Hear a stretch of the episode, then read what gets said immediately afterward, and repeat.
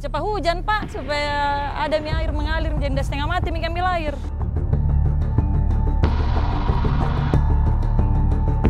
Tiap hari Ibu harus seperti ini? Iya. Nggak capek Ibu? Capek.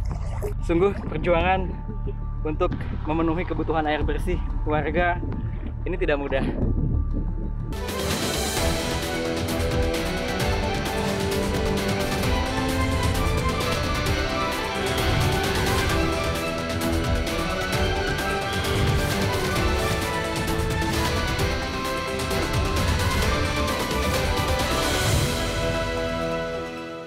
Sudah satu setengah bulan terakhir ini, warga Duku Gelagah, Kecamatan Tangan, Kabupaten Seragen, Jawa Tengah mengalami krisis air bersih.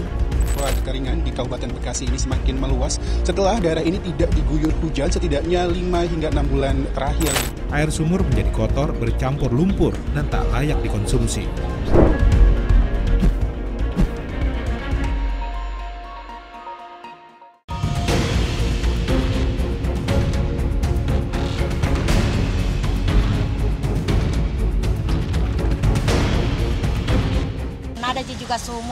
Sumur bor yang kita sambung, kita bayar 30.000 per jam.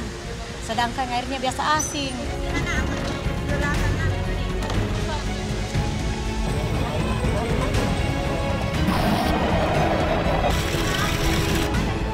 Kemarau panjang yang mengakibatkan masyarakat sulit mengakses air bersih tidak hanya terjadi di satu atau dua daerah tertentu saja di Pulau Jawa, tetapi merata hampir di seluruh Indonesia. Saya kini berada di kota Makassar, Sulawesi Selatan, yang sejak bulan Agustus lalu berstatus darurat krisis air bersih.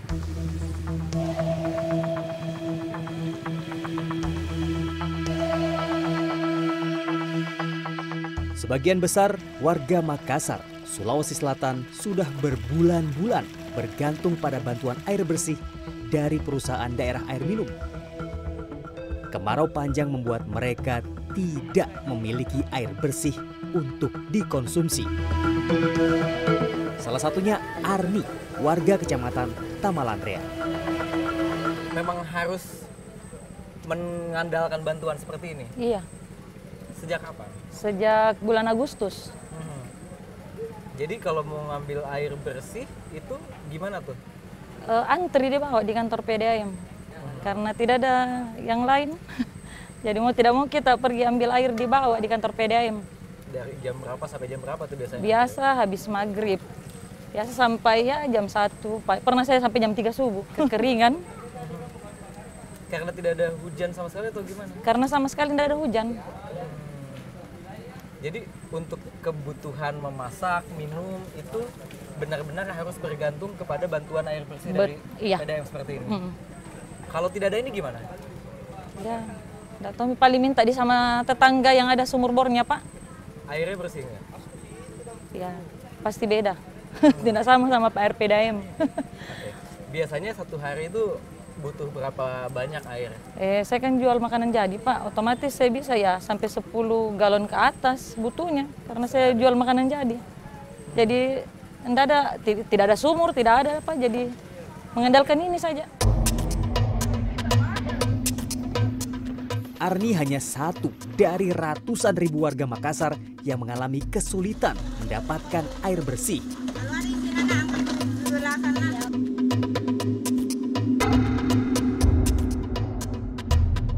Salah satu penyebab semakin menipisnya ketersediaan air bersih di kota Anging Mamiri ini adalah mengeringnya bendungan Leko Pancing. Bendung Leko Pancing di Kabupaten Maros, Sulawesi Selatan ini adalah salah satu sumber air baku utama untuk memenuhi kebutuhan air bersih di bagian utara dan juga timur kota Makassar atau sekitar 9 kecamatan. Artinya ada lebih dari 500 ribu jiwa bergantung pada Bendung Leko Pancing ini untuk mengakses air bersih. Akan tetapi sudah lebih dari dua bulan Bendung Leko Pancing ini mengering. Hingga akhir Oktober 2023, debit air di Bendung Leko Pancing ini hanya 1,5 meter saja. Itu artinya tidak optimal untuk melakukan produksi air baku menjadi air bersih di instalasi pengolahan air atau IPA. Pasalnya, untuk bisa memproduksi air baku di bendungan ini, setidaknya debit air harus mencapai 3 meter sehingga dapat melewati pelimpahan mercusuar yang ada di belakang saya.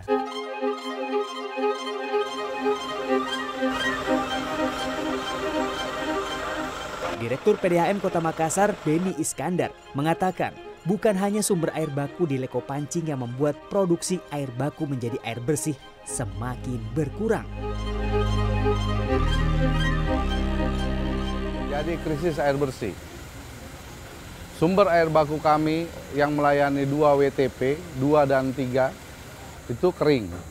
Sumbernya berada di uh, Waduk Leko Pancing, Kabupaten Maros. Uh, di awal bulan September kekeringan itu sudah terjadi, sehingga ada dua WTP kami yang sumber air bakunya dari Waduk Leko Pancing itu tidak beroperasi.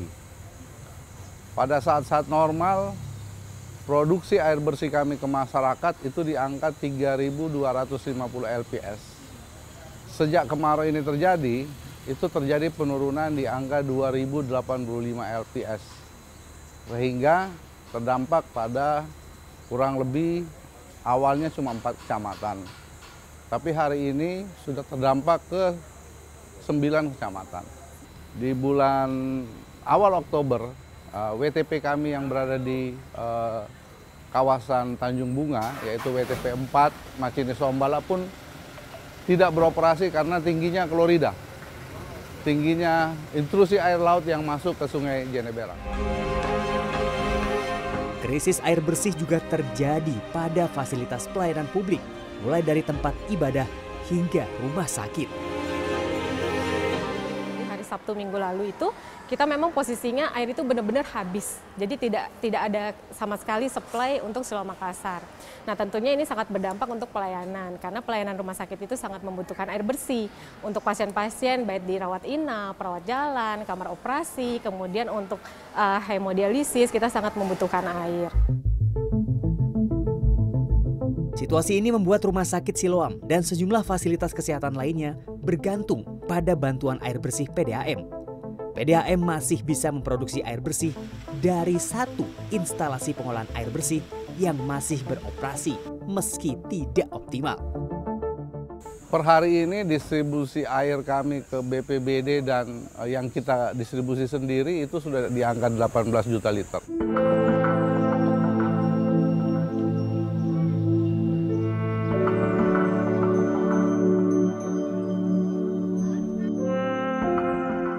Krisis air bersih juga terjadi di Kabupaten Polewali Mandar, Sulawesi Barat. Saya menemui Rosmani, warga dusun Mampi, Desa Galeso, Kecamatan Wonomulyo. Ia sempat merasa senang ketika hujan turun setelah desanya berbulan-bulan dilanda kekeringan. Akan tetapi, hujan beberapa hari nyatanya tak membuat sumur di rumah Rosmani terisi air bersih. Airnya tuh memang begini bu ya? Iya dari ini air ini dari dulu memang begini. Airnya asin, eh, berwarna lagi.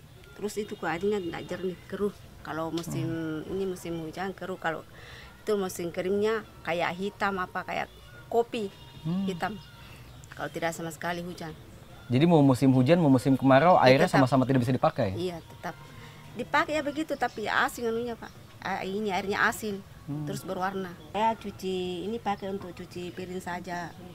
Mandi pakai mandi di sini. Oh mandi juga pakai air ini? Iya. Okay. Cuma cuci baju enggak di sini pak. Uh -huh. jauh lah di sana. Okay. Cuma pakai mandi saja sama cuci piring.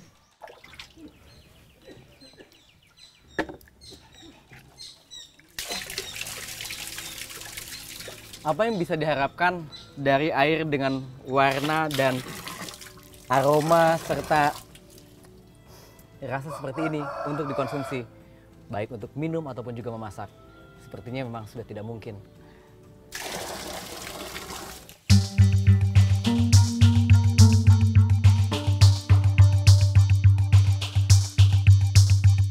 Rosmani dan warga lainnya harus berjalan kaki hingga 2 km ke dusun lain untuk mencuci pakaian.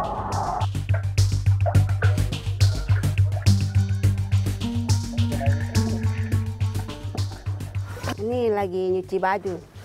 Jauh tempatnya di dekat sumur dan dekat rumah kita airnya kuning, e, berasin lagi. Terus melengket di pakaian. Kalau baju putih lagi dicuci melengket karena kekuning-kuningan. Jadi kita jauh tempat mencucinya nih. Kalau di sini yang lebih bersih airnya. Agak mendingan sedikit. Cuma eh, enggak asin juga. Kalau yang di sini agak ya agak agak kuning-kuning juga tapi tidak terlalu. Jadi masih bisa dipakai lah ya? Iya masih, ya? iya masih lah dipakai cuci baju. Iya setiap hari di sini nyuci baju. Jadi beda-beda ya kalau Iya. mau minum harus Kalau mau minum yang airnya yang air yang di sana tadi tuh.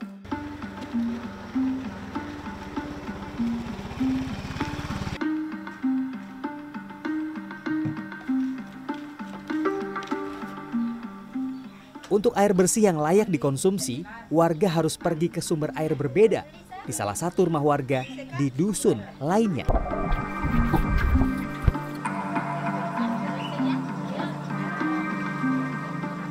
Sepanjang musim kemarau, sumur ini menjadi satu-satunya sumber air bersih yang bisa digunakan oleh warga desa. Ini adalah hal yang mesti dilakukan oleh warga di Desa Galeso, Kecamatan Wonomulyo, Kabupaten Polewali Mandar, Sulawesi Barat setiap hari demi mendapatkan air bersih untuk dikonsumsi. Mereka harus mengantre atau datang secara bergantian ke sebuah sumur mata air di sini yang kalau kita lihat debit airnya juga sudah semakin berkurang seiring dengan kemarau panjang dampak dari El Nino yang melanda Indonesia sepanjang tahun 2023.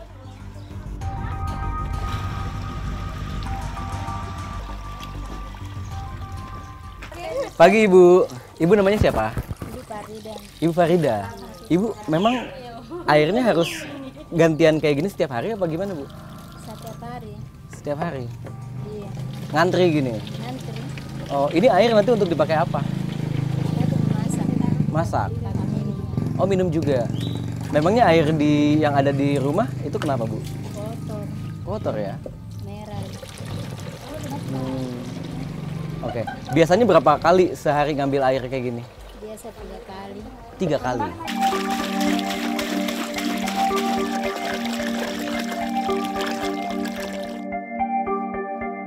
Air bersih dari sumur inilah yang menjadi andalan untuk dikonsumsi, mulai dari untuk memasak hingga untuk keperluan minum sehari-hari.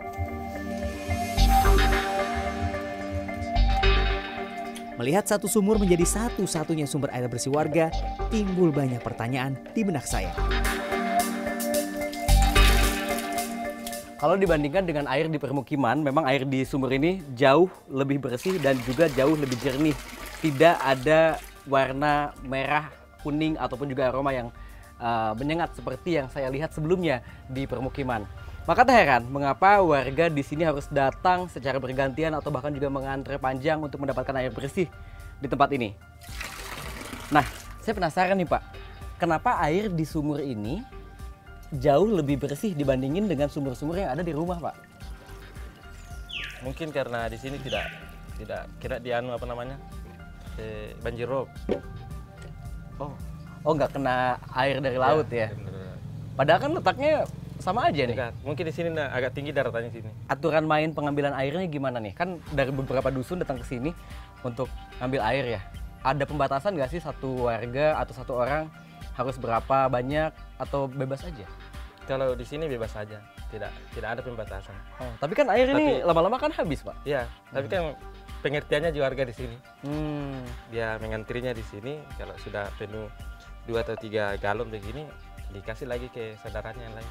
Oke, nanti kalau air di sumur ini sudah habis, harus nunggu berapa lama lagi untuk Biasanya air penuh lagi? Biasanya menunggu 1 sampai 2 jam baru kembali lagi seperti semula. 1 sampai 2 jam ya. Pak, kenapa sih di sini air bersih itu begitu sulit? Apakah memang tidak ada eh, aliran air dari PDAM atau bagaimana? Kalau yang saya tahu aliran itu ada, Mhm. ada pipanya ke Mhm. sini, cuma tidak ada meteran yang masuk ke rumah warga. Kok bisa begitu? Ya kurang tahu juga apa persoalannya itu sehingga kenapa tidak dipasangi meteran? Karena yang warga tahu di sini itu ada pipanya, Mhm. tapi meterannya tidak ada. Hmm. Itu sejak kapan itu? Sudah ada instalasi tapi tidak ada aliran air yang mengalir? Kurang lebih sudah lima tahun itu. Saya mencoba mengkonfirmasi hal ini kepada PDAM Kabupaten Polewali Mandar, namun tidak ada jawaban. Meski demikian, saat CNN Indonesia Indep tengah melakukan peliputan di desa Galeso, satu truk tangki bantuan air bersih didatangkan ke desa ini.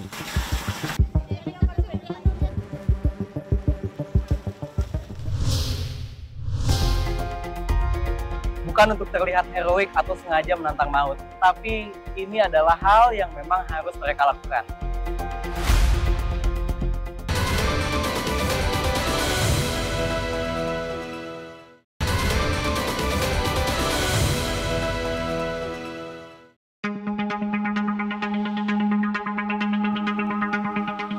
Setiap hari, Asri, Yayah, dan Sadiang dari desa tangga-tangga harus memikul ratusan jerigen.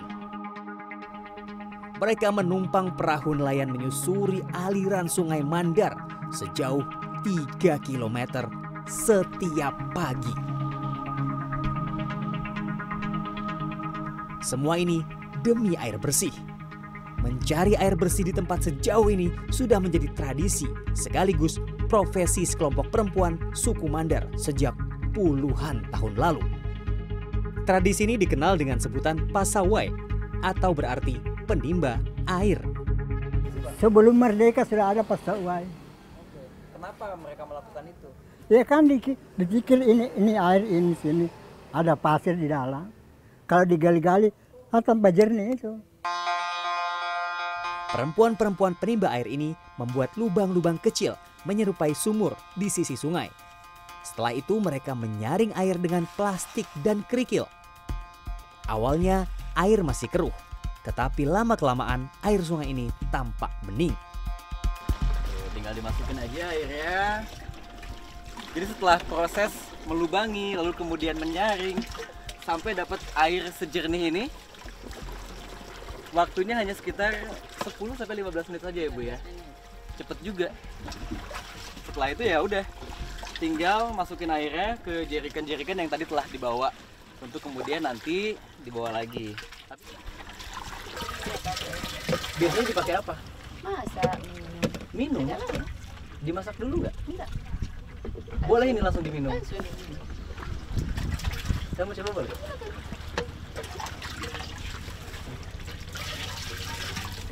Nah ini air yang sudah disaring Menurut kepercayaan warga di Mandar, di sungai Mandar ini Air dari sungai Mandar ini bisa langsung diminum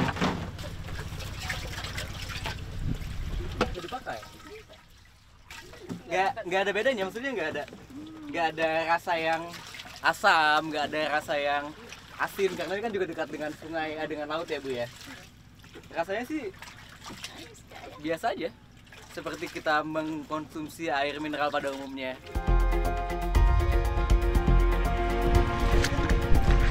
Air-air ini nantinya akan dijual ke masyarakat dengan harga Rp500 per jerigen. mencari nafkah kasihan. Ini selain dijual, ibu pakai sendiri juga nggak? Pakai. Oh, ibu pakai juga. Tidak ada air, air sumur, air bersih. Mhm. Cuma dipakai mencuci. Jadi di permukiman tempat ibu-ibu pasawai ini memang tidak ada akses air bersih. Katakanlah misalkan dari PDAM. Sehingga untuk mengkonsumsi air bersih seperti minum, masak, itu justru pakai air langsung dari Sungai Mandar ya, Bu? Iya. Oh. Jadi perjuangan untuk mendapatkan air bersih untuk nantinya dikonsumsi ini memang tidak mudah ya. Sama sekali tidak mudah. Mereka harus menantang maut untuk mendapatkan air bersih. Ibu, ini kan sungai, dekat muara juga, dekat laut. Biasanya kan ada buaya ya Bu ya? Pernah ketemu buaya? Pernah. Lewat di Oh, jadi melintas di badan Ibu. Setelah lebih dari 100 jeriken terisi air, para ibu paruh baya ini bersiap kembali ke desa. Jika mereka menumpang perahu nelayan saat berangkat, perjalanan pulang ditempuh dengan cara berenang menyusuri sungai ke arah muara. bukan untuk terlihat heroik atau sengaja menantang maut, tapi ini adalah hal yang memang harus mereka lakukan. Jika kembali ke perkampungan dengan membawa lebih dari 100 jeriken berisi air, tentu tidak cukup kalau harus naik perahu katinting lagi. Jadi dengan terpaksa mereka harus berenang, mengapung sejauh lebih dari 2 km untuk kembali ke perkampungan. Dan jika pun bisa menggunakan perahu, tentu ada kos atau biaya yang harus mereka keluarkan. Dan sepertinya itu akan menambah berat lagi beban mereka. Sudah pukul 10 lewat 20 waktu Indonesia Tengah, itu artinya sudah lebih dari 30 menit ibu-ibu Pasawai ini mengapung dan berenang di Sungai Mandar untuk kembali ke perkampungan. Dan ini baru setengah jalan. Saya akan coba merasakan apa yang mereka rasakan. Dangkal airnya.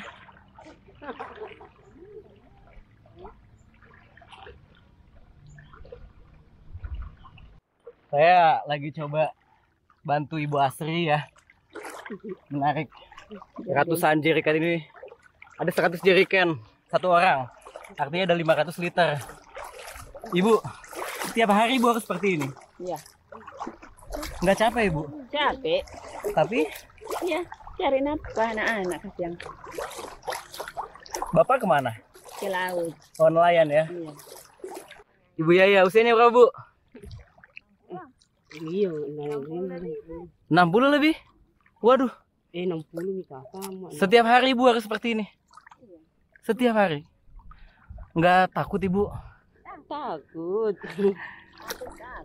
tapi Ya. Cari nafkah, Bu. Bapak. cari nafkah ya mencari nafkah untuk orang-orang yang butuh air Iya. bersih ya bu sungguh perjuangan untuk memenuhi kebutuhan air bersih warga ini tidak mudah Perjalanan pulang dengan cara seperti ini memakan waktu 1 jam 30 menit. Jika air sedang dangkal, maka waktu yang ditempuh bisa lebih lama.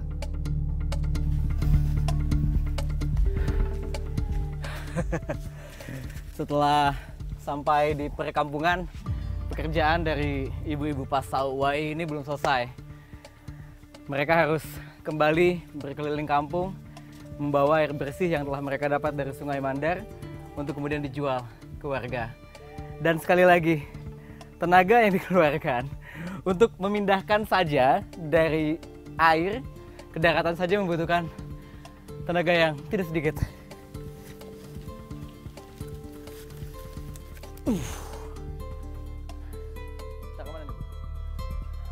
Asri, Sadiang, dan Yayah kemudian berkeliling desa.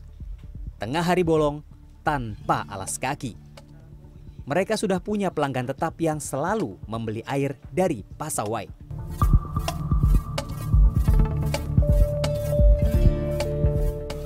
Kenapa di sini air bersih untuk diminum itu harus beli pak atau harus ngambil dari sungai? Emang air di sini kenapa? Untuk diminum Pak, Iya. air tidak ada. Emang kenapa sumurnya pak di sini? Ada rasanya Pak, rasa booi, asing. Iya. Lantas benarkah air dari Sungai Mandar bisa langsung diminum? Tim peneliti dari jurusan Pendidikan Fisika Universitas Sulawesi Barat menerbitkan jurnal pada 2021 tentang uji kelayakan air Sungai Mandar menggunakan sensor pH berbasis Arduino Uno. ambil tiga sampel. Yang pertama itu dari uh, air yang mengalir dari sungainya langsung secara langsung. Yang kedua kami mengambil sampel yang di- disaring itu mas, yang menggunakan penyaringan alami. Kemudian yang sampel ketiga itu kami memasaknya mas dengan dengan memasak airnya. Oke, lalu hasilnya? Eh, hasilnya itu yang yang layak untuk dikonsumsi itu menurut kami dari sensor pH dari pengukuran pH itu hanya yang setelah dimasak saja yang layak untuk dikonsumsi dengan pH-nya sekitaran 7 ke, karena eh, dengan kalau yang kalau yang mengalir itu pH-nya li, 4 yang dari penyaringan itu pH-nya li, 5. Saya mengkonfirmasi penelitian ini ke Dinas Lingkungan Hidup Kabupaten Poliwali Mandar. Pada Maret 2023, instansi ini melakukan uji kelayakan air Sungai Mandar dengan parameter yang lebih komplit. Ini terkait mengenai Sungai Mandar, nah, itu dia sudah teliti bagaimana aspek eh, parameter pengujian terkait mengenai dari unsur fisikanya, terus kimia organik, logan dan mikrobiologi. Nah, di antara di antara beberapa unsur hasil pengujian ini memang dari aspek mikrobiologinya itu itu ada eh, eh, ada masalah terkait mengenai eh, E. coli-nya kalau saya tidak salah itu di catatannya di sini itu melampaui baku mutu. Escherichia coli atau E. coli adalah bakteri yang hidup di usus manusia atau hewan. Salah satu jenis bakteri E. coli berbahaya adalah tipe 0157H7 yang menyebabkan diare. Biasanya, bakteri terdapat pada air yang terkontaminasi kotoran manusia dan hewan.